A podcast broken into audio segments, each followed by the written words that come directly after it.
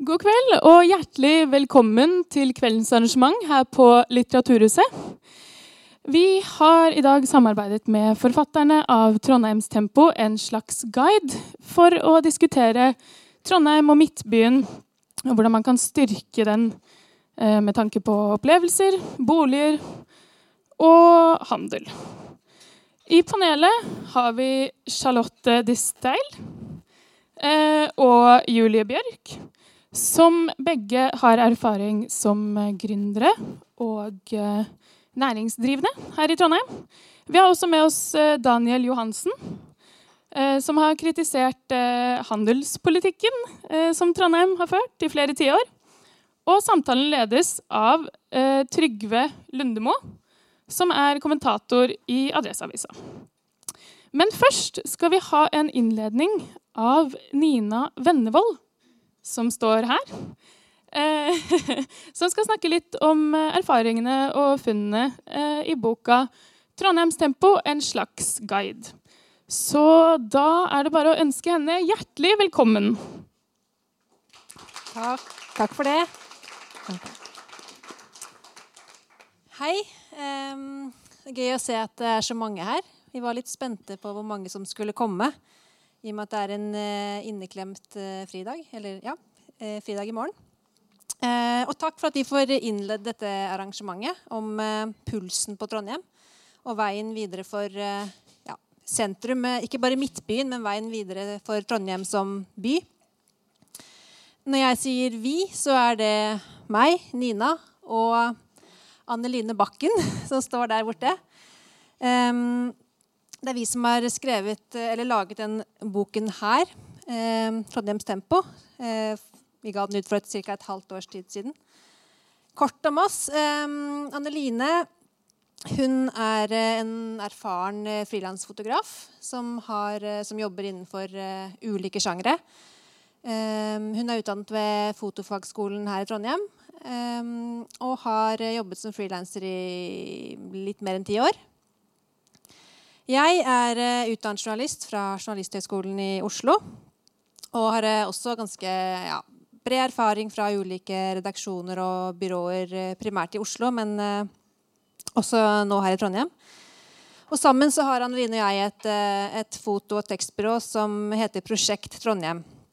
Og det er gjennom dette samarbeidet at vi eh, har laget eh, Trondheims Tempo. Eh, en slags guide eh, som jeg snart skal komme litt tilbake til. Um, men dere vil, vil, jo Dere hører helt sikkert at jeg ikke er fra Trondheim. Eh, og det er heller ikke Anneline. Eh, vi er begge fra Østlandet, men vi har valgt å slå oss til ro her i Trondheim med familiene våre. Um, og på tross av mye skitvær, som det klages mye på, så syns vi at uh, Trondheim er en innmari fin og bra by. Vi eh, føler eh, sterk tilknytning til byen. Og ja, vi føler egentlig at Trondheim er litt vår, selv om vi ikke er ordentlig trøndere. For Trondheim er eh, akkurat passe stor. Akkurat nå, i hvert fall. Um, og så er det et eller annet litt uh, udefinerbart bra med, med Trondheim. Men hva dette er, det har vi snakket mye om. Er det fargene? Folkene? Stemningen, kanskje? Eller størrelsen? Eller er det det historiske suset som vi omgis av overalt? Eller eh, gründerånden? Eller eh, som vi kaller det, trøndernes lynne. Den hangen til at alt ordner seg sjø. Det hører vi hele tiden, så det har vi gjort et lite poeng ut av i boken. Um, men det er jo nå ganske nøyaktig to år siden vi satte oss ned og begynte å snakke om akkurat dette her. Hva, hva er det egentlig med Trondheim? Det er noe bra på gang her nå. Um, det florerer av nisjebutikker. Det er utrolig mye lokal mat og drikke.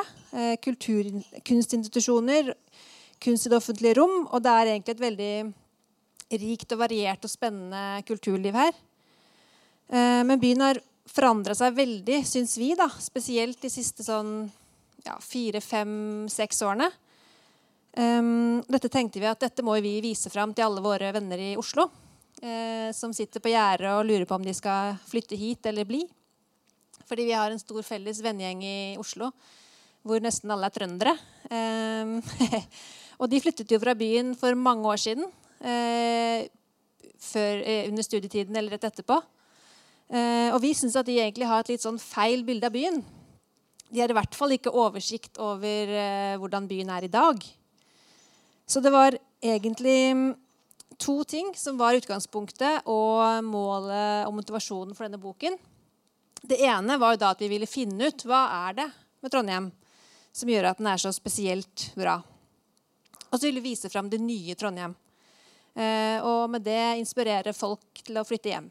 Enkelt og greit. Men etter hvert som vi begynte å jobbe med prosjektet Det var egentlig en liten greie til å begynne med, men det vokste, vokste ganske kjapt. Og da ble det ganske tydelig for oss at uh, denne boken her er ikke bare for vennene våre i Oslo. Den er egentlig, ja, egentlig først og fremst kanskje for trøndere. Uh, og for studenter og innflyttere som oss, som folk som allerede bor her. Fordi jeg tror veldig mange av oss egentlig mangler litt sånn oversikt og innsikt over alt som er på gang.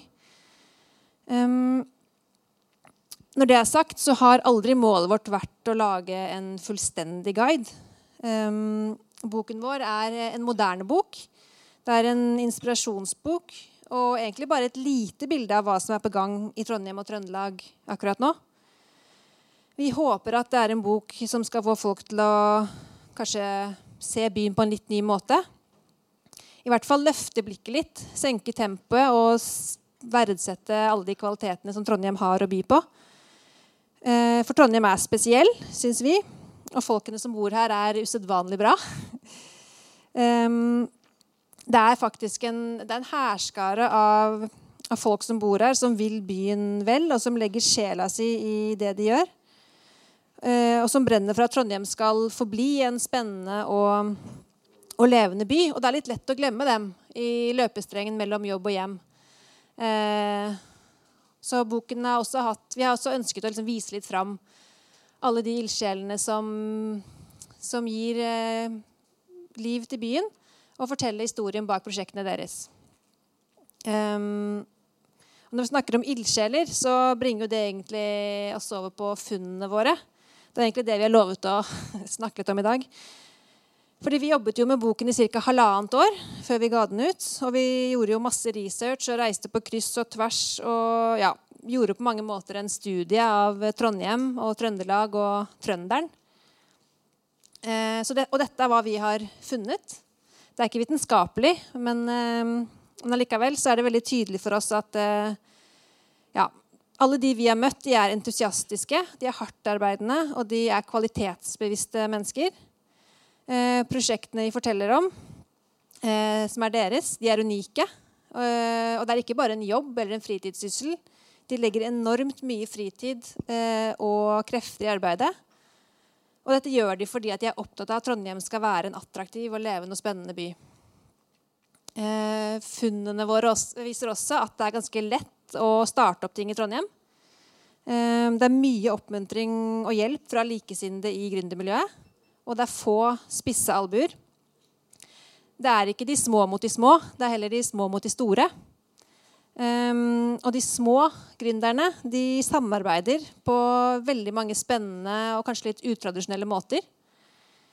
Um, og så er det sånn at eh, det er ikke nødvendigvis kunder som er utfordringen for eh, menneskene vi har møtt. Det er heller leiepriser, lokaler, mangel på mentorstøtte og egentlig ulike former for logistikk. Så mange ønsker da, at eh, politikerne og næringslivet og gjerne investorer også kommer litt mer på banen og legger forholdene litt bedre til rette. For det er jo en uttalt visjon eh, om at Trondheim skal eh, bli en eh, gründer, ja, om ikke en gründerhovedstad, så i hvert fall en gründerby. Men gründing det er veldig mye mer enn bare teknologi og NTNU. Det er viktig å ikke glemme det. Um, og til sist så er det blitt veldig tydelig at trøndere, og nytrøndere som oss um, Det er mange nytrøndere med i boka også. De er veldig opptatt av Trondheim. Uh, de er stolte av byen. Uh, det ble tydelig for oss ikke bare mens vi jobbet med boka, men kanskje spesielt etterpå. For vi har fått uh, utrolig mange hyggelige tilbakemeldinger. Så det vi sitter igjen med, det er egentlig hvor utrolig viktig det er å møte opp og eh, se og prate positivt om folk eh, og prosjekter som ønsker å tilføre byen nye impulser. Eh, og Trondheim og trøndere de har all grunn til å rette seg litt mer opp i ryggen og sette seg, høye, sette seg høye mål og visjoner og bare kjøre på. Det er i hvert fall nok av folk som er eh, villige til å bli med på, på, på reisen. Um, helt til slutt så vil jeg bare si at det er jo det er seks måneder siden vi ga ut uh, boken. Uh, og selv om boken er blitt kjempegodt mottatt, og vi har nå trykt opp opplag nummer to, så er vi litt usikre på om vi har fått noen til å flytte hjem ennå.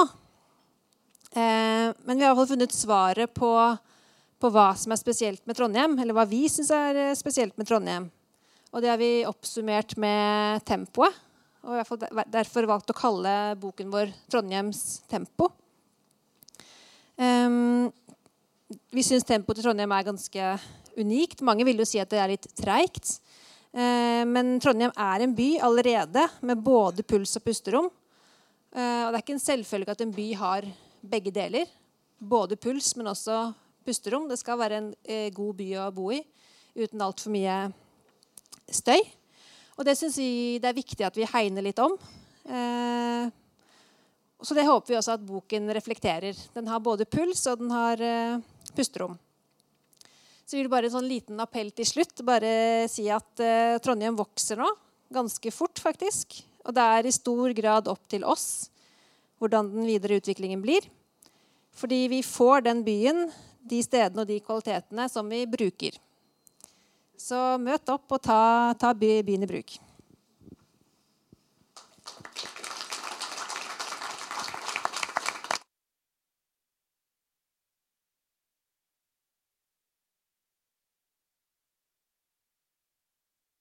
Ja. Jeg håper, jeg håper, lyden er OK. Hjertelig velkommen. Vi skal snakke fram til ca. halv ni om uh, litt i forlengelsen av det som blir beskrevet i denne boka. Bl.a. om uh, hva som skal til for at uh, folk kanskje flytter hjem igjen, som Nina snakka om. I utgangspunktet har vi delt opp den samtalen her i seks hovedtema som griper inn i hverandre. Vi skal snakke om eh, butikkene, om det å bo i byen, det å kjøre bil i byen, kulturopplevelsene, de historiske opplevelsene, om det finnes bra steder å oppholde seg, steder å være i byen. Alt dette har litt med hverandre å gjøre, men vi prøver å sortere det sånn. Først må vi kanskje begynne med å definere Midtbyen. Uh, det møtet her har tittelen 'Pulsen på Trondheim'. Hva skal, hva skal, til for å løfte Midtbyen? Jeg tror ikke vi skal snakke så veldig mye om det som opprinnelig var definert som Midtbyen, for det ligger jo innenfor Elveslyngen, men vi må kanskje heller snakke om Trondheim sentrum. Da blir også Bakklandet med, f.eks. Og Solsiden, kanskje. Og så, så bykjernen er kanskje et like godt begrep som Midtbyen. Vi begynner med butikkene. Denne boka inneholder jo flere intervju med folk som uh, har starta og som har drevet mindre, mindre butikker i, Trondheim i uh, kortere eller lengre tid. Julie, du starta for ikke så lenge siden på Bakklandet. Ja. Bakklandet Blomster. Ja. Hvordan var det å komme i gang? Jeg vil ikke si at det var enkelt, men det var iallfall um, bare positivt. Folk var um, heiende fra første sekund, egentlig. Og um, jeg kan ikke si at jeg har møtt mye motstand i forhold til det. Um, nå er jeg kanskje litt uh, naiv som person, men det velger jeg å se på som en positiv ting. For da får man ting gjort. Man er ikke så veldig redd for de farene som kanskje lurer. Um, og det er mange som kan komme med sånne setninger som ja, men det kan være vanskelig på Bakklandet. Det, det, det, ligger liksom enkelt til, og det er, ikke, det er ikke på ruta mi, eller det kan være vanskelig med parkering. Men det opplever jeg ikke. Um, handler det mye om uh, det å overleve? Uh, handler det mye om økonomi? Ja. Mye mer enn hva jeg hadde innom meg. Uh, det får man jo erfare ganske fort. Eh, og det er jo der på en måte den naiviteten kanskje ikke så positiv. da. Eh, men samtidig så hvis jeg hadde vært veldig redd for det, eller hadde den bekymringa fra dag én, så hadde jeg kanskje ikke hoppa ut i det heller. Men det er jo klart at uh, hvis det hadde vært det er jo litt sånn, Selvfølgelig skulle jeg ønske at noen kunne komme da, når jeg åpna og si Hei, du, jeg ser du har starta noen ting. Hva om uh, jeg gir deg noen råd? Men det på en måte blir utopi å tro at noen kommer og leverer deg en sånn håndbok på økonomi fra A til Å. Så man, altså, den læringskurven er jo bratt, uh, men man lærer jo. Uh, og jeg vet ikke om jeg ville hatt det annerledes heller, for jeg har jo overhodet ingen bakgrunn i økonomi. Det er ikke min sterkeste side. Men uh, må man, så må man.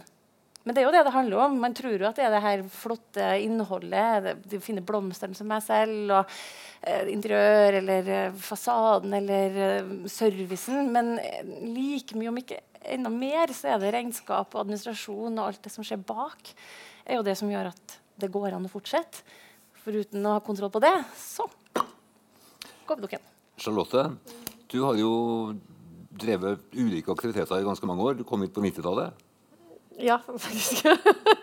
ja. Du har vært her så lenge, så, så du har fulgt med, fulgt med uh, på utviklinga. Og ifølge boka så har det skjedd noe her de siste fire-fem årene. Mm. Er det ditt inntrykk også? Ja, jo, jo, det har vært, eh, det har vært flere det, det, til og med, fordi jeg, jeg, jeg bruker å uh, ha litt stolthet til å følge alt som skjer. Og så føler jeg at jeg mister litt tid i triste år. det er av og til sånn Hæ, er det åpnet her? Eller har det et uh, konsert som skjer? Eller, ja, så jeg syns det, det, det har balla på seg litt fort nå i det tre siste år. Så det hvordan opplever du at det er å drive næringsvirksomhet uh, i en mindre skala i Trondheim? Er, er, det, er, det, noe med rammebetingelsene, er det noe med publikum? Er det enkelt, er det tungt? Uh, så, så, jeg har som du sier, jeg åpnet i 2001, så jeg har eh, lang erfaring. Jeg har vært i utallige møter med byutvikling og så, ja, så uh, videre. Jeg har hatt to butikk i et liten kort tid. Jeg hadde hatt, et finger med flere prosjekt som oppstart. Um, det som, det som, det som jeg syns gjenspeiler seg i 16 år, er det, det som noe som ble nevnt. Det er et, liten uh, um, inder i trondere som jeg, jeg, fikk et spørsmål som jeg får fortsatt 16 år etter. Det er at, hvorfor flytter du hit? Som om det har uh, noe feil med Trondheim. Og så, uh, og så Det er ingenting feil med Trondheim. Det det er en veldig god, jeg synes det er en veldig god base for å starte prosjekt. Så det er, en, det er, veldig lite stolthet i, jeg synes, i er sånn, de burde bli mer litt sånn stolt av at de har en sånn veldig fin by å bo i. Jeg bruker å si at det, meste, det som er mest fantastisk her, det er at du, får, du, har, du har i sentrum, og så du kan bli natur i 20 minutter, du kan bli hjemme. ikke sant? Du kan, du, faktisk, vi har alt her innen en veldig sånn kort, rimelig tid. Hvis vi har lyst til å være trykke oss tilbake, vi kan være for oss sjøl. Eller hvis vi har lyst, det, alt, alt er her.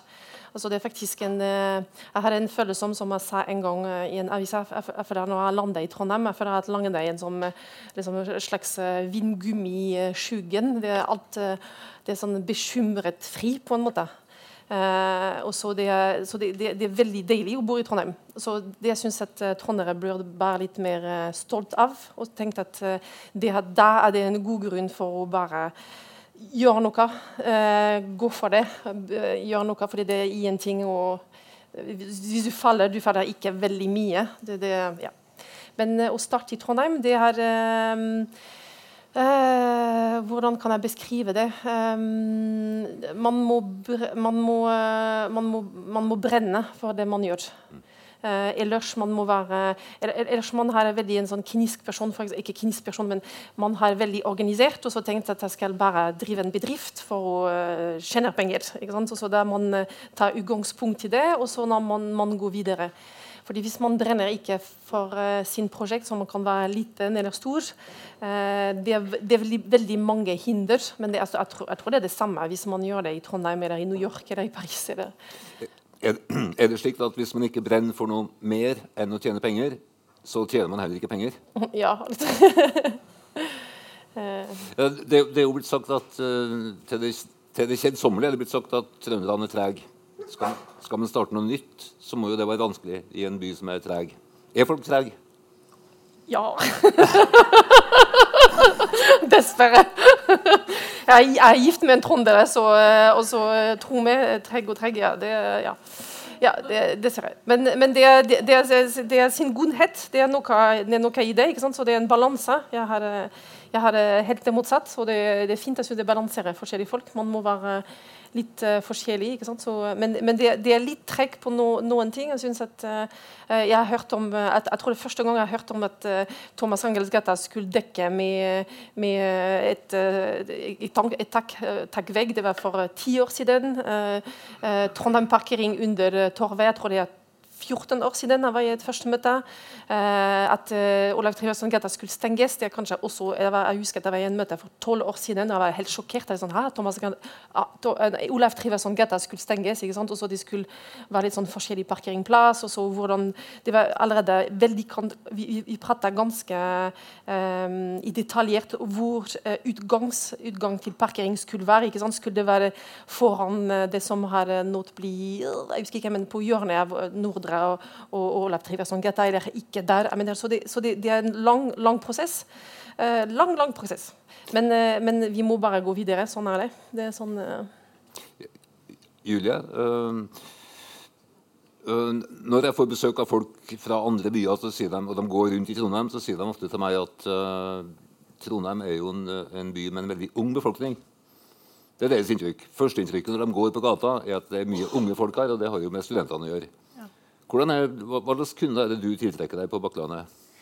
I alder? Ja, eh, Det går egentlig ikke an å si. Jeg har prøvd å sett litt på det og definert det, men jeg, jeg, har kunder ned på åtte år. Helt til veldig gamle som ikke kommer seg inn en dør engang, for de er så gamle og svake. Så, eh, men det tror jeg har litt med at jeg selger blomster og planter å gjøre. Og det når jo alle aldre. Alle har lyst til å gi eller kjøpe det på et tidspunkt. Men eh, nå har jeg hatt en drøm om å åpne en butikk som ikke er en kjede, og ikke har på en måte de standard, eh, det standardutvalget. da. Og på den måten så når jeg kanskje mest til denne unge, uh, nyetablerte småbarnsfamilien som er ganske oppdatert på hva som skjer utenfor Norge. Det er kanskje også drømmekunden. For at jeg, jeg er så opptatt av jeg mener, men, men, eh, jeg ser mye ut av Norge. Og har lyst til å bidra av det, og det gjør at dem som også gjør det, og leser magasiner og følger med på Pinterest og Instagram, kanskje det kommer til meg. Så jeg vil jo kanskje si at min gjennomsnittsalder er sånn 30 pluss minus. ja. Mm. Daniel, uh, vi har nå hørt at uh, innenfor uh, i handelen i Trondheim så har det skjedd en del de siste årene.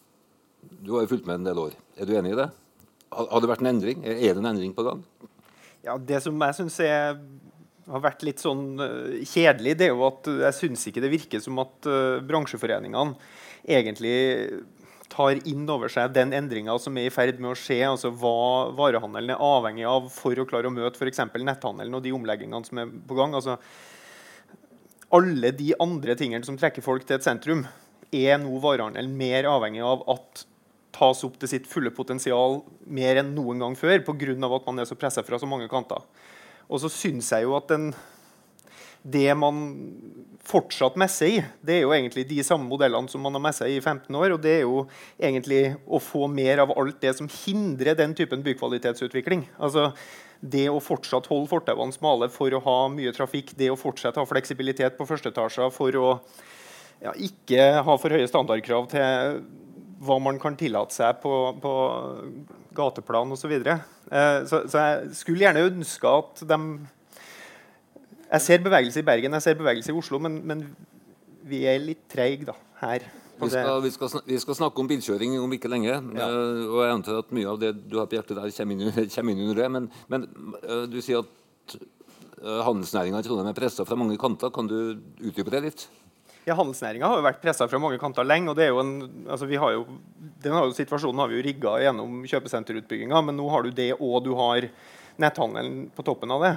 Um, og, og, det er klart det at en, et sentrum hvis du, hvis du, leser alle strategiutkastene til uh, altså Det er jo til og med Trondheim kommune og samarbeidsavtalen mellom dem og, og Midtbygruppen osv. Så, videre, så så syns jeg de har vært gjennomsyra i alle de år av en manglende erkjennelse av nettopp hva et sentrum er. altså Den dynamikken som, gjør, som, som er sentrums fremste konkurransekraft, og som butikkene er, alltid har vært avhengig av, og nå enda større grad enn før er avhengig av. Uh, så det håper jeg at, uh, at man får til en bevegelse i, rett og slett fordi at man trenger man trenger å ha med butikkene videre. Man trenger at de er rusta til å møte framtida. At den kapitalen og den, den, kompetansen som de besitter, ikke går over ende fordi at man ikke klarer å omstille seg i den tida man er inne i akkurat nå. Uh, ja. Kanskje vi kan også snakke litt mer om, om det, da. Uh, Charlotte og, og Julie. Uh, sentrums konkurransefortrinn. Hva er det? Charlotte? uh, I can't. Uh, uh, this one I have to take it in, in English. Sorry. um, they, I mean, of course, like I'm the same than Julie. My, my, customer is like from 18 to 60, and now I see actually that in the last years it's becoming like 70, 80, 90 years old because there are like still people everywhere, and they are used to use a center to do their little errands, you know, after the hairdresser. I mean, they, they, they don't want to stay home in there, like, uh, and don't see anybody, you know, they are used to, like, communicate with people. Um, I think, uh, and I, I, told you earlier, like, like the, the base for business in the city has to be something else than just sell something. We don't sell a product, we sell we sell um, what I, I, I teach the people that work with me or work for me or I say that we don't sell uh, a product, we sell uh, an opplevelse på norsk. Uh, and that, in that way, I think like if we have to be like in competition with the center, for example, which is outside the city, there is a lot of like small tricks we can use, we can learn from them um, in the way we communicate, for example, with the public, but, but it will always go down to the human experience.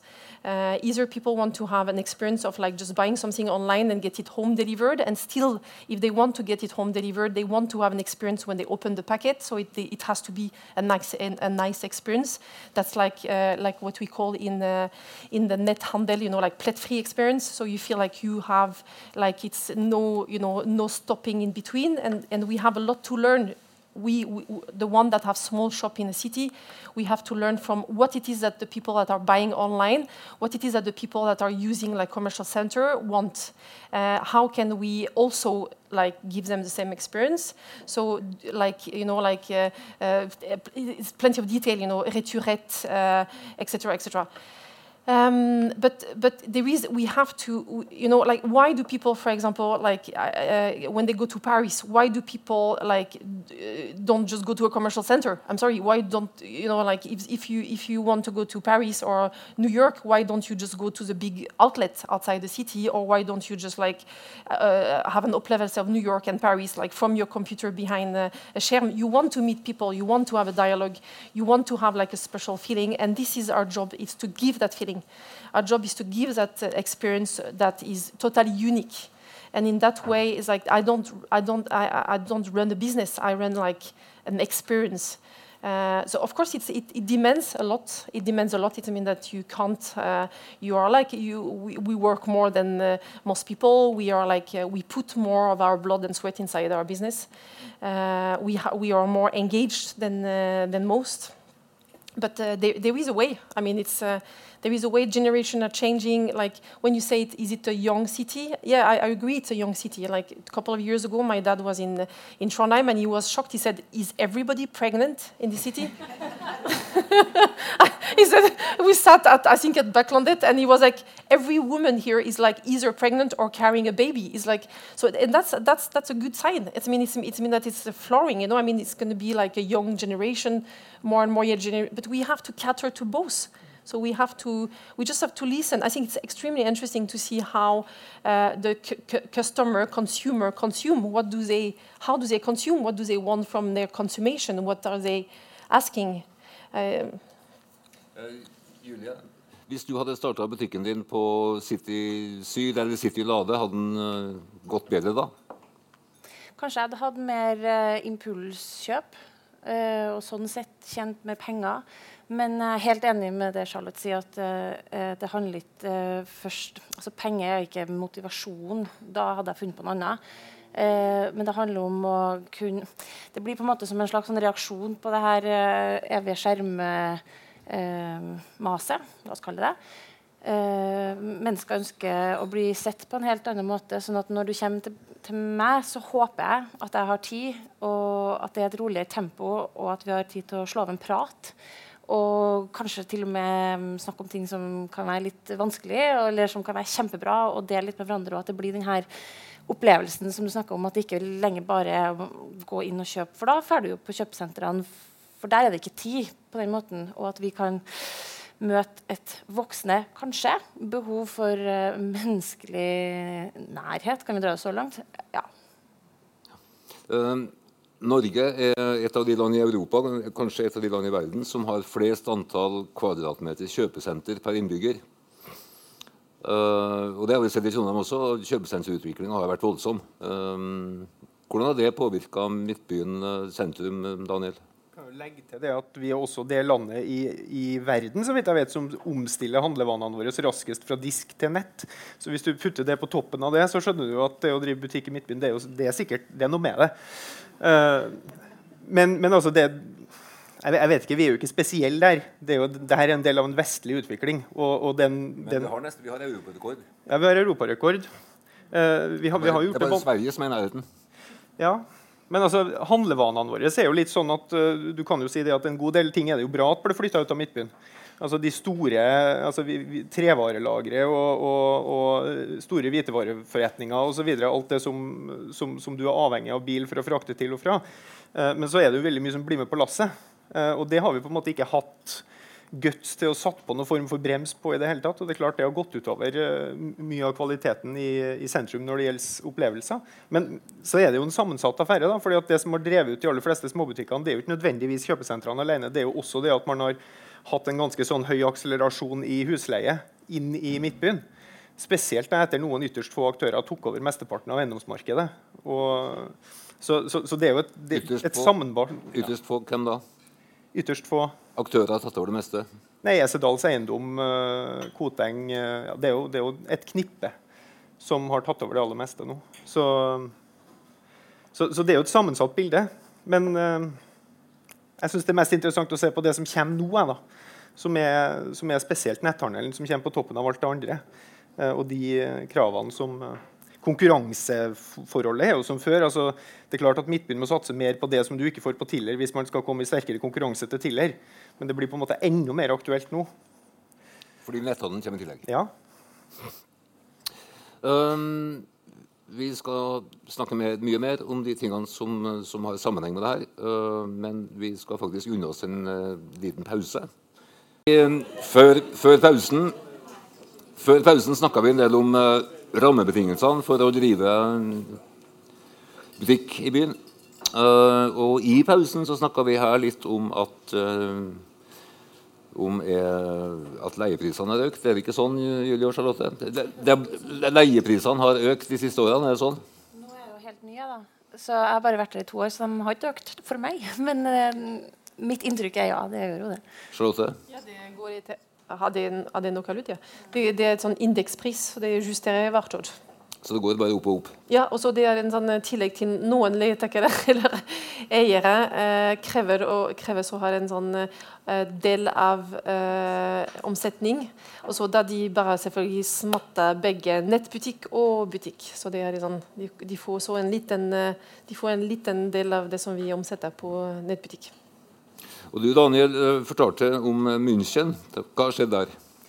Nei, altså De har jo hatt litt sammenlignbar utvikling som vi hadde. altså Du har jo hatt en, en ganske sånn eh, en økt forventning til hva man kan uh, ta i leie på, i eiendomsmassen i sentrum. og Det har jo gjort at veldig mye nisjeforretninger har forsvunnet. så de, For å unngå at franchiseforretningene, at kjedebutikkene mer eller mindre skulle ta over hele sentrum, og på et vis lage et hypa eiendomsprisnivå som gjorde at de små ikke klarte å etablere seg, så definerte de rett og slett deler av sentrum som kjedefrie soner og regulerte det. Og Det har de faktisk fått til, altså, fått det gjennom EFTA-reglementet og hele pakka.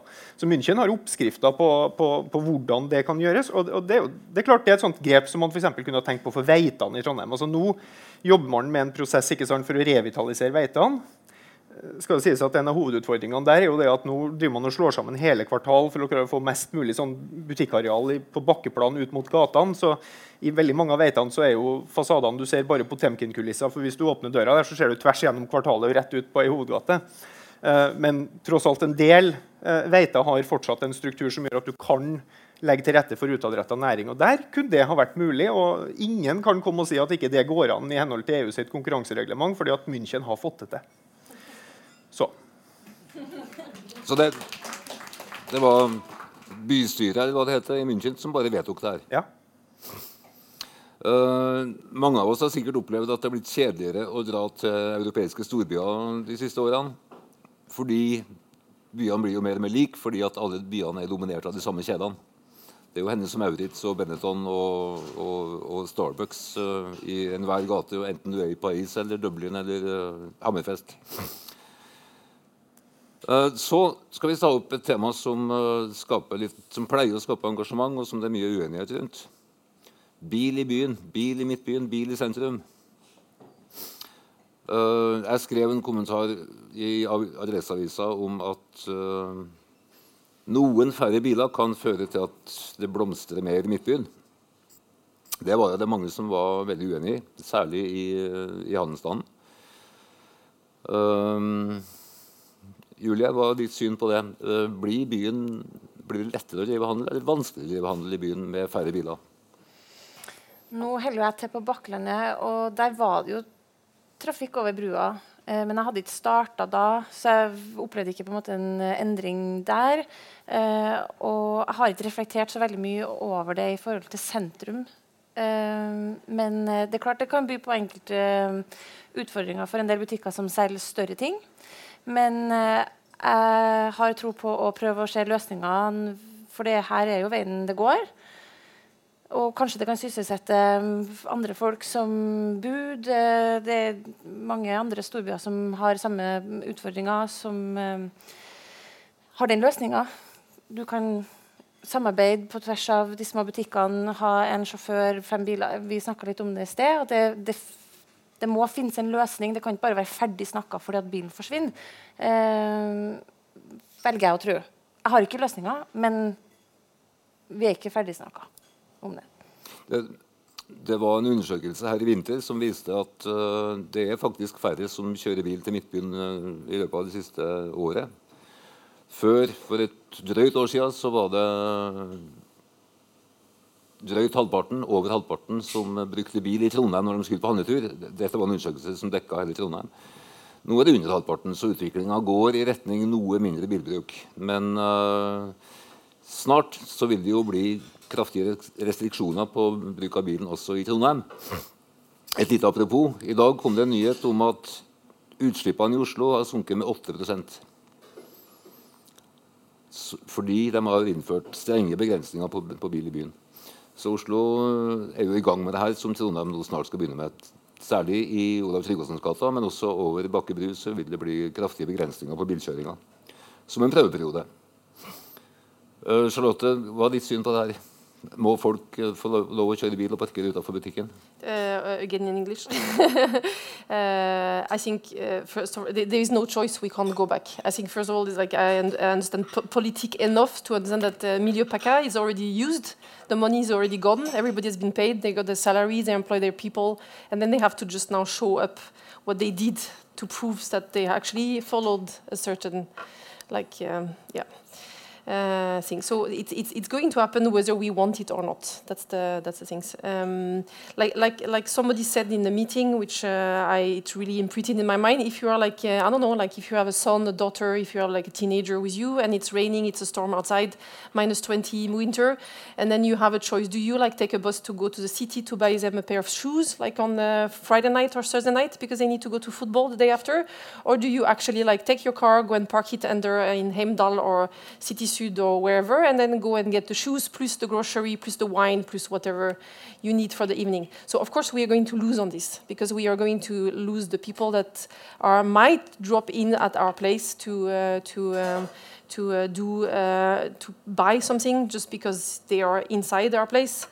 uh, it's, it's going to be more complicated. How do we hinder that or how do we compensate for that? Again, it's like experience. Uh, yeah, maybe have like a car that's uh, driving things for people as well. Like, I don't have the, the, the I don't have the answer 100%, but um, we just have to believe that we have to like propose something again that's different than uh, than that, or like uh, have different type of business. I don't know, like not sell a pair of shoes, or I, I don't know, like it's it has to be different. It has, uh, and then maybe like uh, uh, find out how people are like you know like shoppe Mønster, kjøpe vannet. Do people like then go to the city every Saturday, Sunday? Like of course I, we see like a clear sign if it's good weather on a Saturday and it has not been good weather for a while. Then we have actually, actually nobody in the in the stores. Everybody's at Bimarka or wherever at their hut or whatever. So it's like it's it's it's like everything counts, and then it's very complicated when you have a, a store like that because suddenly you have like uh, bad Saturday weather Saturday. It's uh, been raining the entire week, and then people are super bored because it's uh, it's been a tough week for everybody. And then we have a lot of people in the shop, and that's the day maybe you have somebody which is sick at work, so you are alone, standing there all day for 10 hours without being able to go to pee, for example, or eat or whatever. Uh, so it's it's it, it is like it's not easy, and it's uh, of course would be easier in a, in a center. So it's all this. It's I think uh, maybe the solution is to discuss this in the panel with, and then just like throw like maybe like ideas on how can we, how can we. Uh, I mean, it's a future. I mean, it's it's lovely to if if everybody wants to bicycle to the center and carry their Christmas uh, uh, shopping uh, back home. Great, you know, it's uh, it's good. It's like I have children. I want them to breathe. I don't want them to be sick. I, I think uh, trees in the center are great, you know. but uh, we have to also. I mean, it's, it's different. Like either either people wants to it, it, it's a little bit like either people, the consumer, people of Trondheim, wants to go and do their shopping entirely 100% in commercial center. Then we can just be like Levanger, you know, like open uh, like a huge mall outside, close this uh, lovely city, be like a dusty facade, and then finish with it. You know, we can maybe paint something like lovely on the window, like so it looks like there is people that are alive behind the facade. And then people, you will go to the theater, the cinema, restaurant, because that's people use in the center. They actually don't eat so much in like a shopping center. Or do we yeah or do we actually like think we want to have an experience i don't know it's like maybe we'll, future will, will tell Daniel, du har uh, synspunkt på det her. Du var inne på temaet allerede da vi begynte samtalen. Bør, hvilken vei bør Trondheim sentrum utvikle seg når det gjelder bilkjøring? Jeg tror for det første det er viktig å si at jeg, jeg tror nok at uh, bransjeforeningene vet hvem de snakker om når de sier at det påvirker omsetninga kraftig. Så, så, så det, Jeg skal ikke prøve meg på å si det at det er bare tull, for det, det er nok helt riktig at, at, det betyr en betydelig reduksjon. Når det er sagt, så er jo dette her en utvikling som, som vi uansett kommer til. Og da er jo spørsmålet skal vi begynne å forberede oss på det nå? Ja, altså, Hvis vi skal klare å oppfylle de, de klimakravene som vi, som vi på en måte liner opp hele utviklinga etter, så, så, så, er dette her et så selvfølgelig grep at uh, og og så er det jo også da det, Hvis du tar Olav Tryggvasons gate som en case da, altså det er jo, Veldig mye ligger jo der til rette for at det skal være en veldig attraktiv gate.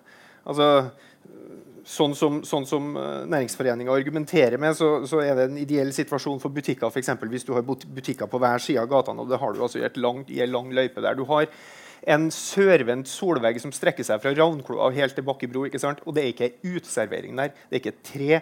det er til tross for at den er veldig flott arkitektur i hele gata, så er det jo skrekkelig å oppholde seg der. fordi at Fortauene er bitte, bitte, bitte, bitte små, og det dundrer trafikk forbi i, i, i begge retninger. Så, så, så, du har et eksempel der egentlig på, på hva du er nødt til å ofre hvis du ikke nå starter den prosessen imot en, en, endring. Og så er det klart at, at, det kommer på toppen av alt det andre. Så det, det, det, vil bli tøft for butikkene. det tror jeg absolutt. Men det gir oss da muligheten til å begynne å satse enda mer på de kvalitetene som også trekker folk til sentrum, og som, hvis vi klarer å få ordentlig fart i det, kan begynne å gi butikkene en del av den omsetninga som en reduksjon i biltrafikk for eksempel, forårsaker. Så, så, så det tror jeg er ganske bestemt på. Eller så må vi gjøre sånn som vi gjør i veldig mange andre tilfeller. La Bergen og Oslo kjøre ferdig hele prosessen først, og så venter vi i 15 år, og så begynner vi lenge, lenge etter. og, og, og, det er klart at Da er man jo ikke forberedt, da, for da kommer så sannsynligvis å komme ramlende enda fortere. Jeg, jeg kan jo minne om at eh, da Nordre ble stengt for biltrafikk, det var tidlig på 70-tallet, da oppsto det også veldig kraftige protester mot at gata ble bilfri. I dag er vel de fleste fornøyd med at den er det. Så det er kanskje en vanskelig overgangsfase her da, som vi må gjennom i, i noen år. Uh, så snakker du, så snakker du Daniel, om uh, en, en, slags vridning da, av aktiviteten i Midtbyen fra salg av varer til opplevelser? Nei, det, det, er ikke det jeg mener. Altså. Det, det, jeg mener det er at det er et potensial for å, for å øke tempoet, øke aktiviteten på og ikke minst øke kvaliteten på veldig mange andre sektorer enn bare varehandel. Og det trenger varehandel. Altså, kulturtilbudene må bli bedre, kafé- restauranttilbudene må bli bedre, gateopplevelsene, opplevelsene av arkitekturen må bli bedre. Alle de faktorene må vi klare å løfte hvis vi skal ha et mål om å hjelpe varehandelen i tillegg. Fordi at ja, netthandel kan vi ikke styre. Så det er jo Charlotte, du sa noe eh, tidligere om at du selv uh opplevelser i like stor grad som, eh, som gjenstander. Mm. Hvilke opplevelser? Uh, jeg, prøver, jeg, prøver bestandig å, uh, å, gjøre aktivitet på kryss av min bedrift. Det betyr at jeg har jobbet litt med juli. Altså jeg prøver å selge blomster av og til i butikken min. Det er ikke min bedrift, jeg er ikke A som omstender for det. Eh, jeg har eh, nå eh, åpnet for yoga to ganger per uke fra andre lærere sant, som får låne lokalet mitt for, for, gratis. Det er sånn, det er sånn du, du, må, du, må, du må ha, vi, vi, må tilby litt mer. Har, først og fremst jeg har en bedrift der beskriver seg i, en, i Brønnøysund. Jeg selger klær. ikke sant? Men nå jeg også jeg må selge sjokolade, blomster, mat. Har, vi har hatt filmvisning i, i regi med Kosmos Kosmorama, vi har hatt uh, boklansering. Vi prøver å ha flere ting som, som gjør at uh, vi har ikke bare én butikk som gjør én ting. Vi har en spesialisering. Jeg har, jeg har spesialisert innen min Schengen, men det er ikke nok. Det er ikke nok for å trekke folk uh, og så overleve på, på sikt. Så, um, Jobber du litt på samme måten, Julia? Selv du også, eller Tilbyr du også kundene opplevelser? Nå er butikken min 12 kvadratmeter, sånn at det, det, det, på en måte går ikke mer inn nå. Eh, men vi har jo en, en, drøm om en bakgård, om eh, kanskje kunne arrangere ting. Og det er en kjempefin park som står tom stort sett eh, alle dager i året, bortsett fra når Rabarbrateatret har en oppstilling. Eh, så potensialet er jo der. Men, eh, jeg har ikke noe sånn samarbeid på den måten annet enn kanskje ut av butikken igjen. Da. Men, eh, men. Hvem vet? Vil uh, metrobussen uh, føre til at færre føler behov for å bruke bil til byen? Man må jo håpe det, da. Ja, Det er jo bare et, et, et og et halvt år, knapt nok det, til den skal være i gang. Men du vet, Det er reelle ting, det her, men samtidig så er det også en det, jeg vet ikke hva greia er mellom næringsforeninger og biltrafikk, men altså jeg satt i et panel eh, på Orkanger her for en stund tilbake og diskuterte sentrumsutvikling der. Eh, og det var jo selvfølgelig da en diskusjon om, om uh, hva slags aktivitet man skal ha i gamle Orkanger sentrum osv. Og, og så var de litt oppskjørta, dem fra næringsforeninga. Vi snakka ikke om, om, biltrafikk egentlig i det hele tatt på akkurat den diskusjonen, men de kalte meg bort til bordet sitt etterpå. Og så sier de at vi sa det hele veien. Vi sa det ved at når de flytta all gjennomgangstrafikken fra Orkdalsveien og opp til den nye veien oppafor, så forsvant jo alt. Og, og, det er klart at Hvis du da ser for deg alternativet, hvis man skulle da fulgt det ønsket om å ha all gjennomgangstrafikk mellom Trondheim, Hitra, Frøya og videre østover gjennom Orkdalsveien, sånn som man da argumenterte med at hvis noen har besøkt Dombås, hvis noen har vært i Oppdal sentrum, hvor man også har da forsøkt å lage seg modeller hvor man har, skulle liksom etterleve akkurat de prinsippene der, så, så, ja, det er mye rett i det, men samtidig så er det også en konservatisme knytta til løsning som gjør nær sagt alt annet av bykvalitet umulig. Men uh, ja. Orkanger er jo et interessant eksempel. Der har de ei flott, lang gate mm. med minimal aktivitet i dag. Mm. Det er god plass til biler, det er god plass, god plass, med parkering, det er få biler der. Bilene kjører på kjøpesentrene som befinner seg i nærheten. Mm. Hvordan skal ei sånn gate altså Orkanger har ikke klart det. Å, skape aktivitet i den gode, gamle gata som eh, ville vært et naturlig samlingspunkt for folk. Vil ikke det samme skje i Tryggåsensgata hvis du tømmer den for biler?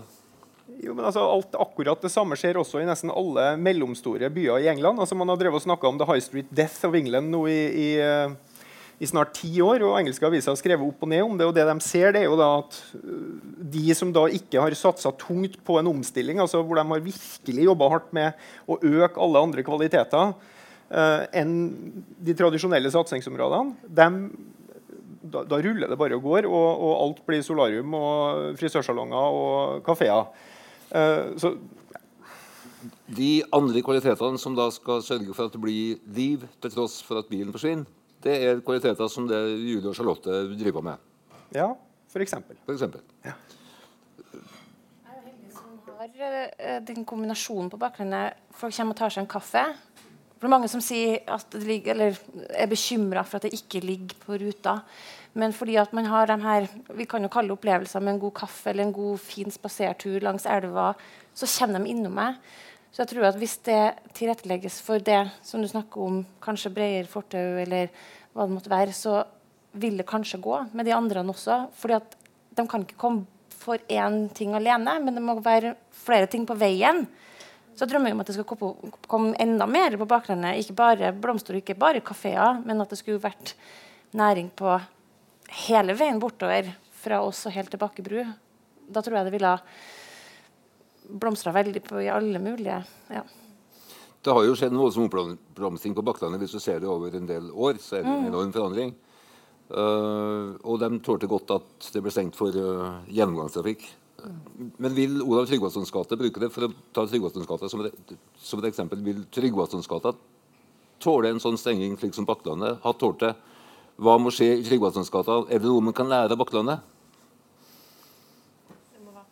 det som, det som jeg er redd av, det er at når de stenger Ola Tryggvasongata, det er ikke så stor parkeringsmulighet i nærheten. ikke sant? Hvis uh, du stenger på torget, du har fortsatt Løitenhaven, så du kan parkere der f.eks. Men jeg ser at folk det er, har det samme vannet, og så jeg vet ikke hvordan det er, men det er veldig sjelden jeg bor på den sida, jeg går på jobb på den sida. Det er veldig sjelden at jeg går over til uh, Torvet kanskje et par ganger per år. fordi det er litt rart, men vi blir litt latt i Trondheim. så vi, vi, går faktisk, vi går veldig mye i skogen ikke sant, på ski og sånn, men, men, men i sentrum vi går veldig lite. Jeg ser bare i Paris. Det, hvis, hvis jeg har et valg mellom å, å, å å sitte eh, tre metrostasjoner som tilsvarer ca. 5-6-8 km. Ellers gå i 8 km. Jeg, jeg går gjerne 8 km. Fordi jeg vil helst eh, ta litt luft, ser på ting mens jeg går. og så, ok, det er en sånn litt trening. Jeg vet ikke hva det er, men vi går kilometer i Paris. Jeg har, jeg har hørt noen unge som går, eller unge, eh, sjuåring som går fra var det, Solsiden til sentrum med buss. Fordi de syns de gidder ikke å gå over brua. og så De syns det er altfor langt. Men det, da er det som jeg tenkte, det, det, det, er ikke nok opplevelser på vei. så De syns det er kanskje kjedelig å gå, fordi det skjer, de ser ingenting som tiltrekker øyet. De, skjer, de, de, føler kanskje det er ikke noe plass for å stoppe på vei ikke sant? og bare ta en kopp kaffe eller uh, gå inn og se på en plass. Det er sånn Vinduflatta ikke interessant nok. Jeg vet ikke hva, hva det er. Men, uh, men uh, ja, hva, hva, skjer når de stenger Oleg Transongata? Vi må åpne, vi må åpne passasjer igjen, kanskje mellom Thomas Angels gata og gata. Vi må, vi må tilby, vi må kanskje okkupere hele gata og få masse ting som skjer. Utstilling. Jeg synes det, det er en by som har veldig lite uh, utstillingflater. Det er veldig lite kunst i gata. Det er mange byer over hele Europa hvor folk bruker et sånn bygning som bygges opp, ikke sant? og så uh, bare for å ha en sånn, noen som legger en maleri eller noe sånt. Noe skjer. Det, sånn, det var for ti dager siden det var en, en, en gjeng jeg vet ikke hvem det er, men som bare legger flott poster i papir, legger av kollasje, og som eh, putter dem over benken, og så forskjellig tomt butikkvinduer. Eh, altså, det var fint og skjedd. Det er sånn litt, litt, litt, stiv av og til. Det er sånn eh, treg og litt stiv. Det, sånn, det burde være litt mer eh, livlig bruke, bruke byen litt mer. For, for, for, for jeg, jeg, tror Det som folk har lyst til å se Folk, Hvis de kommer i, i sentrum, de har, ikke, ikke lyst til å se tomme lokaler alle syns det er litt sånn deprimerende. Da, men da, da, da UC-eiere må være litt flinkere og si at ja, men da vil låne den til en kunstner, f.eks. en montør som har en kunstutstilling som sikkert selger én maling. Vi kan ikke omsette for det. ikke sant? Eh, ellers jeg vet ikke, eh, et, et, et, et, et teaterspill som, som, som, som, får en lokal gratis. Jeg vet ikke, no, Noe kulturelle som gjør at i en, i en lo lokal bør stå tomt Jeg husker når jeg kom til Trondheim for 15 år siden. Jeg bruker å gjøre det, bare gå til alle øyseiere og si eh, det er en kunstner her. putte dem, jeg vet ikke, Åpne døra for ei uke, to uker. Gjør noe. Ikke, ikke ha tomme videofletter. Det er sånn, eh, fordi jeg ser her i Thomas Angelsgata, det har vært eh, neste, mellom ett år og, og seks måneder, eller ett år, to år, hvor det har vært to-tre lokaler som har stått tomt. Helt tomt. Ingenting skjer der. Og faktisk, de, de får ikke leietakere inn. Og så De som kommer på slutt, det er trondere. De, de, får faktisk igjen fra Oslo, eller noen som har lyst til å satse i Trondheim så, og starte noe. Så de må bare, Det er, det er veldig mye useiere som eh, må selvfølgelig omstille seg og være litt mer, litt mer fleksibel. Uh, vi har et uh, drøyt kvarter igjen, og vi skal sette av litt tid til spørsmål på slutten. Eh, så salen skal få komme til orde. Det er bare et par, et par temaer vi, skal, vi tenkte å ta opp før, vi, før ordet blir, blir fritt. Uh, vi snakker om bil. Det har sammenheng med hvor folk bor. Ole Vik fikk mye oppmerksomhet, Arkitekten Ole Vik fikk mye oppmerksomhet da han la fram en plan for uh, 50 000 boliger sentralt i Trondheim innen 2050.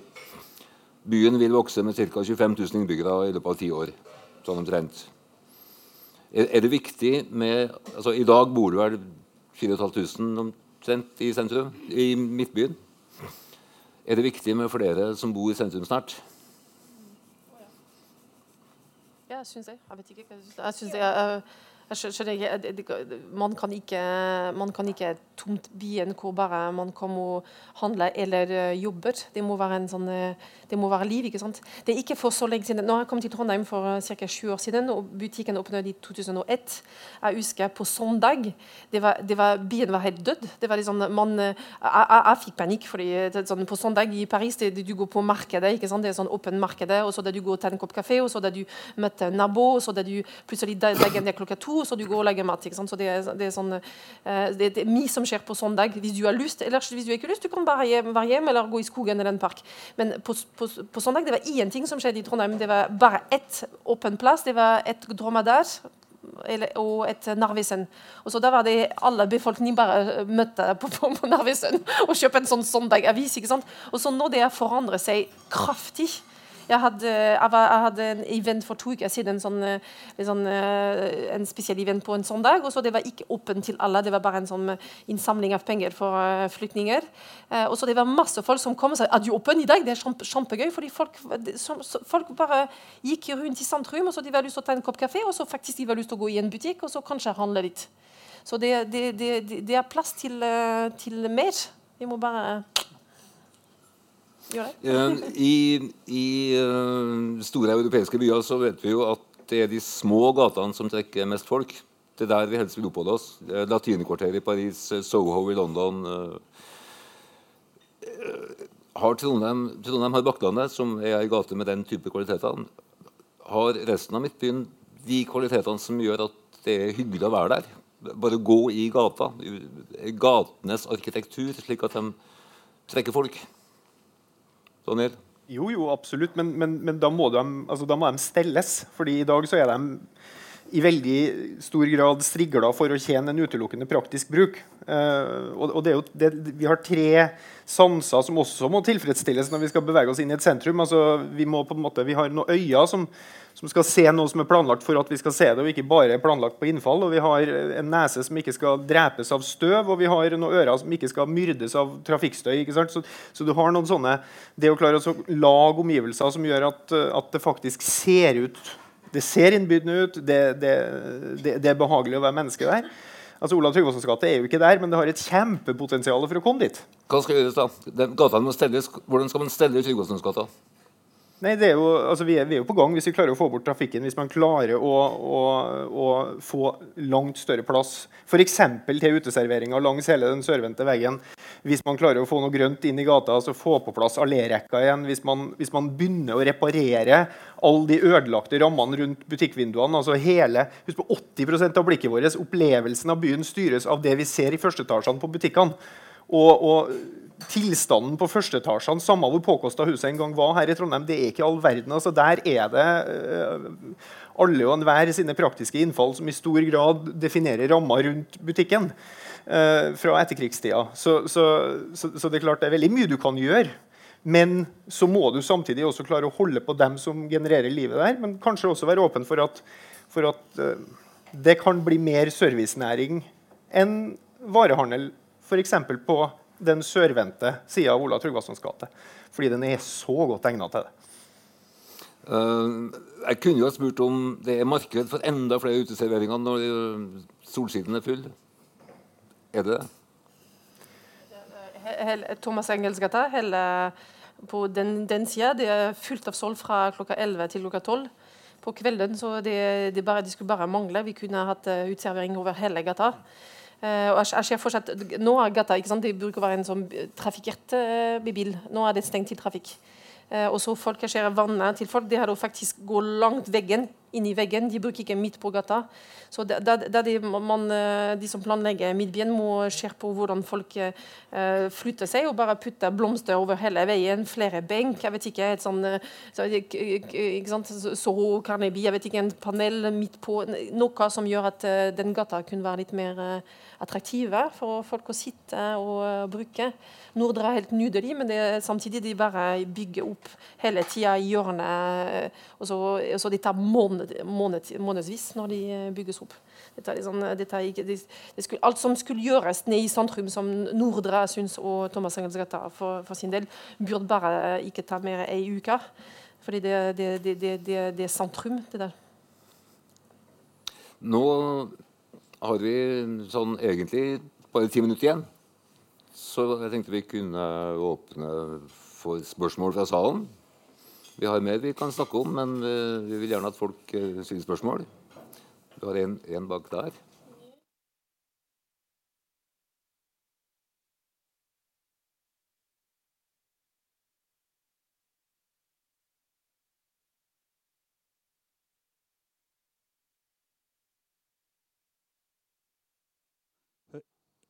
En på nå? Ja.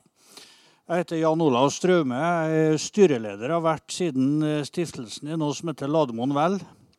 Vi ble stifta for eh, jeg tror fire år siden for at vi hadde tro på urban byutvikling, urban bolyst og urban næringsutvikling i Østbyen. Eh, bysentrum i Trondheim vokser østover. Det ser vi Solsiden er full, det er fullt bebodd. Og nå begynner det å komme innover Lademoen. Credo har flytta til Lilleby. Og der får vi en type byutvikling som er ganske ny for Trondheim. Ulf Risnes han, uh, sa i en, et intervju her at uh, han hadde lyst til å sprenge noe, som han sa. Altså, han, han, mente at bystyret, byen vår, har vært styrt av folk fra Fosen og andre steder som egentlig hater Trondheim. sånn. Og en kan jo lure da, når en ser det her litt retrospektivt. da. Jeg visste at jeg skulle hit i dag, så jeg tok meg en biltur. Jeg kjørte oppå Saupstad, Kolstad, Kattem, bortover Heimdal. Og så oppdaget jeg at jeg, har jo, jeg er jo trondheimsgutt fra Bakkøyene. Bodd i byen all min dag. Og oppdaga at jeg har jo egentlig vært oftere på Levanger enn jeg har vært oppå der. Og enn om det viser versa. Altså Da byplanleggerne tømte Midtbyen for folk da på slutten av 60-tallet, så avskaffa dem egentlig det at familiene skulle ha køyesenger. For å få nok soverom så bebygde vi da hele Heimdalsplatået. Men man gjorde ingenting eh, for det å sørge for at den nye befolkningen, som i dag teller kanskje 150 000 utenfor det urbane Trondheim, er bundet sammen med byen. Handelsstanden i Trondheim skal de få dem hit så må de se på det nærmest som et uh, utenlandsk turistmarked. Uh, og det er noe av uh, det vi merker. Vi som er her nå i kveld og diskuterer Trondheim, er sikker på 90% av oss som er her, bor urbant. Ethvert møte på Litteraturhuset, og dem har vært ganske mange på, så er det samme. Det er oss som bor urbant, som er her. Det er vi som går på kafeene i byen. Det er vi som bo, eh, vi som handler i butikkene, og som opplever det her, det her med det sjarmerende, med det urbane, som er nå ca. 9000 år gammelt. Har byer eksistert i menneskeheten for at det skulle være et sted for bosted og varebytte. Eh, det vi trenger, bosted det som berger Midtbyen, det er at vi begynner å bosette den for alvor. Bygge ut Nyhavna, Brattøra, you name it, til boligbygging.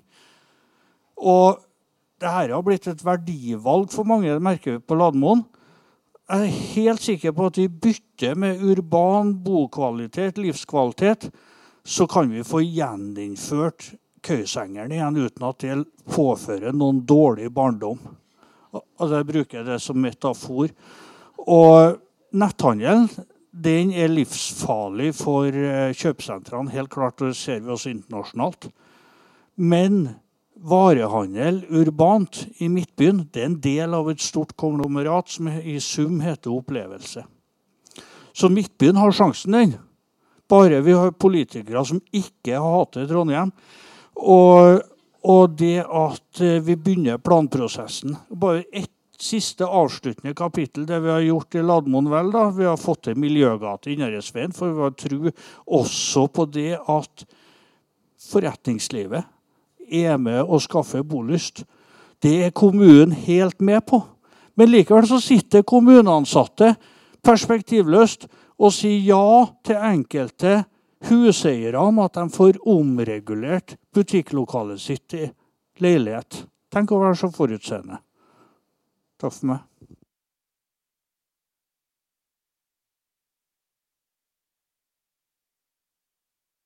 Mitt navn er Stein Halden. Jeg er valgtrondhjemmer. Eh, Men jeg må si jeg ser det hele fra konsumentenes side. Og jeg syns at eh, denne innledningen har vært altfor sterkt fokusert på handelen. Hva med kafélivet? Vi er riktignok i en kafé nå som skulle absolutt trenger honnør for det de driver med her. Men hva fins det ellers av kaféliv i Trondheim? Altså, Tilbudet er så dårlig at det jo dreper kafélivet fordi det ikke oppstår noen tradisjon.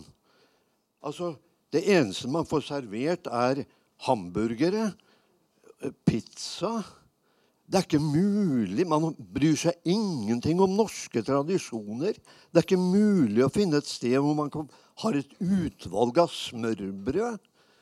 Mange kafeer, altså på Nordre, som jeg har fremmet her flere ganger, de stenger jo klokka seks. Altså Hvis man går på kino, man går på teater, og man har lyst til å gå på en kafé etter teaterbesøket Nei, det aller meste er stengt. Og det som er åpent, der får man hamburgere, noen tørre kaker, eller altså eh, pizza. Jeg syns dette er Eller italienske varianter som har vært på moten nå i 20 år. Jeg mener alt dette her det er dårligere enn den gamle norske smørbrødtradisjonen. Og dette er med på å ødelegge Midtbyen. Andre ting som kan ødelegges, det er f.eks. de nye planene for torget. Hvor altså de to viktigste og breieste gatene i Trondheim de har jo vært delvis avsperret, men det blir altså nå enda mer avsperret. Man ser ikke noe verdi i disse gateløpene. Det er jo en veldig flott anlagt by, men dette kommer jo ikke frem. Når man altså sperrer torget på med krysset mellom Kongens gate og Munkegata Det er jo et gateløp. Man snakker om arkitektur denne opplevelsen blir jo ødelagt når det blir, når det blir avsperret på den måten som det har vært i noen år. Hva hjelper det da om man i noen grad planter noen trær i torget, på torget? Det burde jo vært gjort for lenge siden. Man snakker om Olav Tryggvasons gate og sammenligner det med Nordre gate. Nordre gate ble et eh, bra resultat. Men Olav Tryggvasons gate er jo lenger. Og jeg tror ikke at den har den samme muligheten um, selv med beplantning av allétrær. Det burde, er jeg helt enig det burde være. Men hvor skal trafikken gå? Den forbinder jo øst og vest i Trondheim på beste måte. Det må kunne gå an å drive handel i Olav Tryggvansons gate og fremdeles ha biltrafikk der. Ja, takk.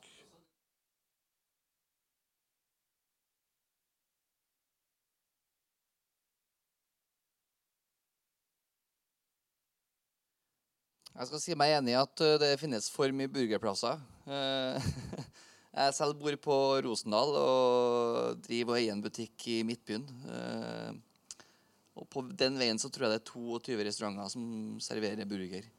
Men det handler jo ikke om restaurantene, det handler jo om alle oss i rommet her, hva, hva vi kjøper. Jeg driver en restaurant som heter Fagn hvor jeg prøvde å åpne et lunsjkonsept, men vi klarer rett og slett ikke å konkurrere mot Sabrura og burgertrenden som er i Trondheim, så vi valgte heller å ha kveldsåpent. Eh, rett og slett fordi at folk ikke vil kjøpe eh, ordentlig god eh, hjemmelaga mat. Da. Så det er nok problemet. Kanskje man må jobbe litt med det òg.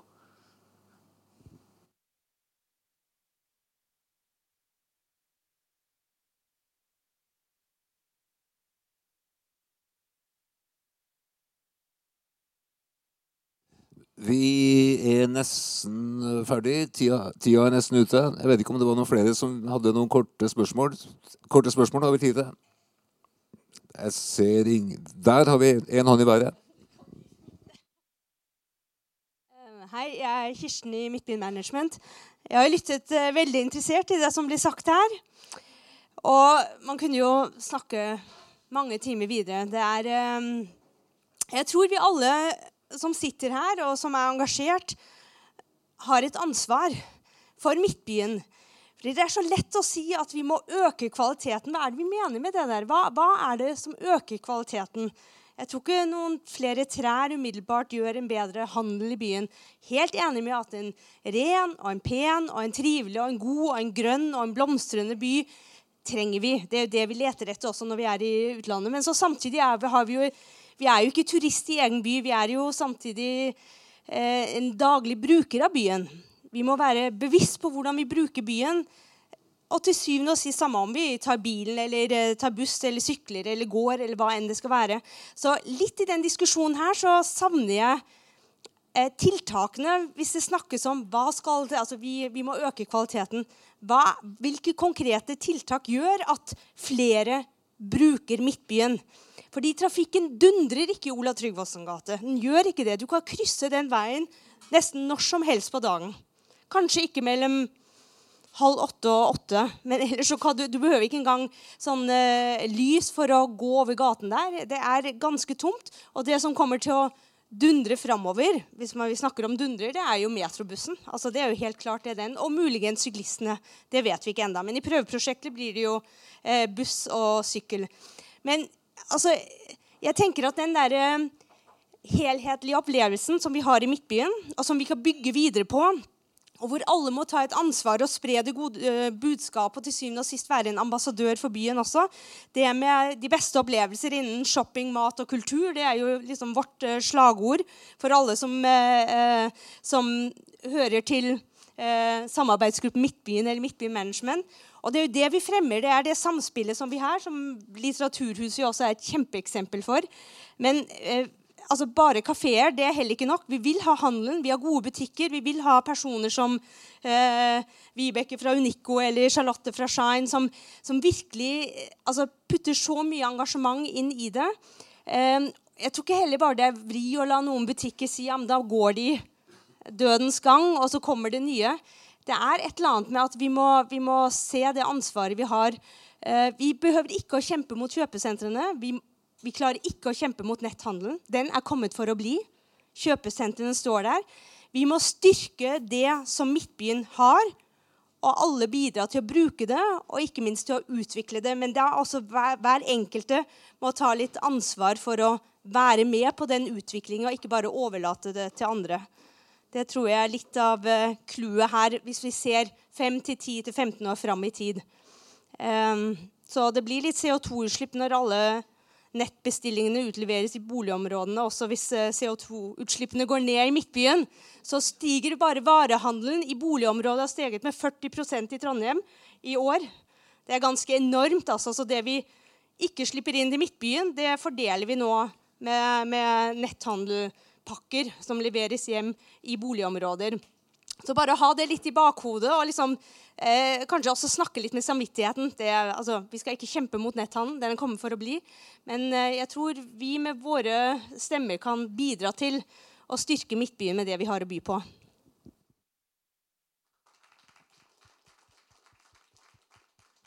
Da, da, har, da har vi bare tid til ett spørsmål til, og det var der borte. Og det må være nokså kort.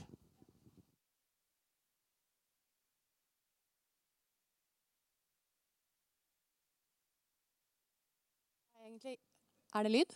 Ja. Det er egentlig ikke et spørsmål, men mer en kommentar til det siste. Altså, jeg tror, eh, Hva skal vi gjøre for å heve kvaliteten? Eh, og, det, alle, det, som jeg hører det alle snakker om, det er den totalopplevelsen. Eh, og eh, for å på en måte få en totalopplevelse av det å vandre gjennom Midtbyen, så handler veldig mye om hvordan vi tenker opplevelse i uterommene våre. Eh, det, for det er ikke bare eh, enkeltbutikkene eh, som vi går til, men det er hva går vi gjennom på vei dit. Eh, og da handler det om å tørre å tenke litt stort og løfte det litt opp. Ikke bare tro at det er et tre eller en fortauskant, eh, plass til en kafé. Det er ikke enkeltelementer som løser det, men det er å skjønne at et gaterom er en hel opplevelse. En plass, et hjørne, det er en helhetsopplevelse, og ikke bare enkeltelementer.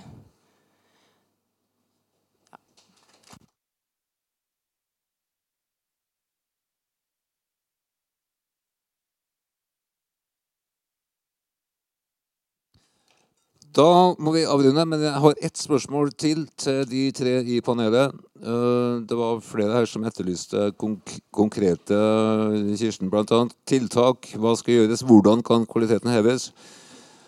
Eh, da spør jeg dere tre. Er det én ting? Har dere ett forslag til hva man kan gjøre i Trondheim for å, for å gjøre eh, Midtbyen mer attraktiv? Um, må jeg si ett ord, eller kan jeg forklare? Må jeg si det bare med én setning, eller kan jeg forklare? Du kan forklare det kort. Ja, kjempefort. Um, nå setter jeg meg sjøl som uh, hva, hva, jeg ønsker, og det blir jo kanskje litt egoistisk, men jeg har to små barn og bodd i Berlin noen år. Uh, og når vi alltid drar tilbake dit, så er det litt sånn vanskelig å, å få til alt med de to ungene. Men det som jeg syns er så genialt med Berlin, og jeg aner ikke hvordan det skal gå an, men eh, det er de her grøntarealene med litt lekeplasser. Sånn at når jeg og mannen min drar og reiser, så kan vi på en måte ankre oss der, kjøpe oss litt kaffe. Og så kan han gå seg en runde mens jeg passer og leker med barna. Og så um, motsatt så går vi litt på tur. Og jeg vet at det er mange av oss som har de her små barna som syns det er vanskelig å ta en kjapp lunsj på fang, som jeg forresten ikke visste om engang. Bevisstgjøring tror jeg også er et stikkord. Men uansett eh, Det hadde jeg savna. Ja, smukk. Eh, mer møter sånn, hvor folk kan vesle med ideene, og så eh, få absolutt eh, takke i de største aktører, så de kan høre. Jeg, jeg, håper det er noen her da som kan videreformidle det her til dem som bestemmer. Du har jo litt innflytelse i de kretser, Daniel. Hva er ditt forslag? Nei, altså, Jeg tror jeg er ganske forutsigbar der. Altså, det, det, går på arkitekturen. Altså, det rammer rundt alt. Og Det gjelder både det som er bygd, og det nye vi skal bygge. Fordi at Måten vi tar vare på det gamle og måten vi formgir det nye på, det sier altså aller mest om oss. Uh, og akkurat for tida så er det et dårlig skussmål for Trondheim. Så, og det er så viktig. Altså Hvis det ser ut som en ravadunge hele vinduet, hele ramma rundt virksomheten, hvis det ser ut som ingen bryr seg om andre ting enn praktiske hensyn, og det er totalopplevelsen i førsteetasjene gjennom gateløp etter gateløp, så gir det et dårlig inntrykk for hele Midtbyen og en dårlig ramme for alt som foregår der. Så, og, og, det snakker man i veldig liten grad om, selv om vi er en by stappfull av arkitekter. Da, med de ordene der, så må vi si takk for oss. Takk for at dere kom.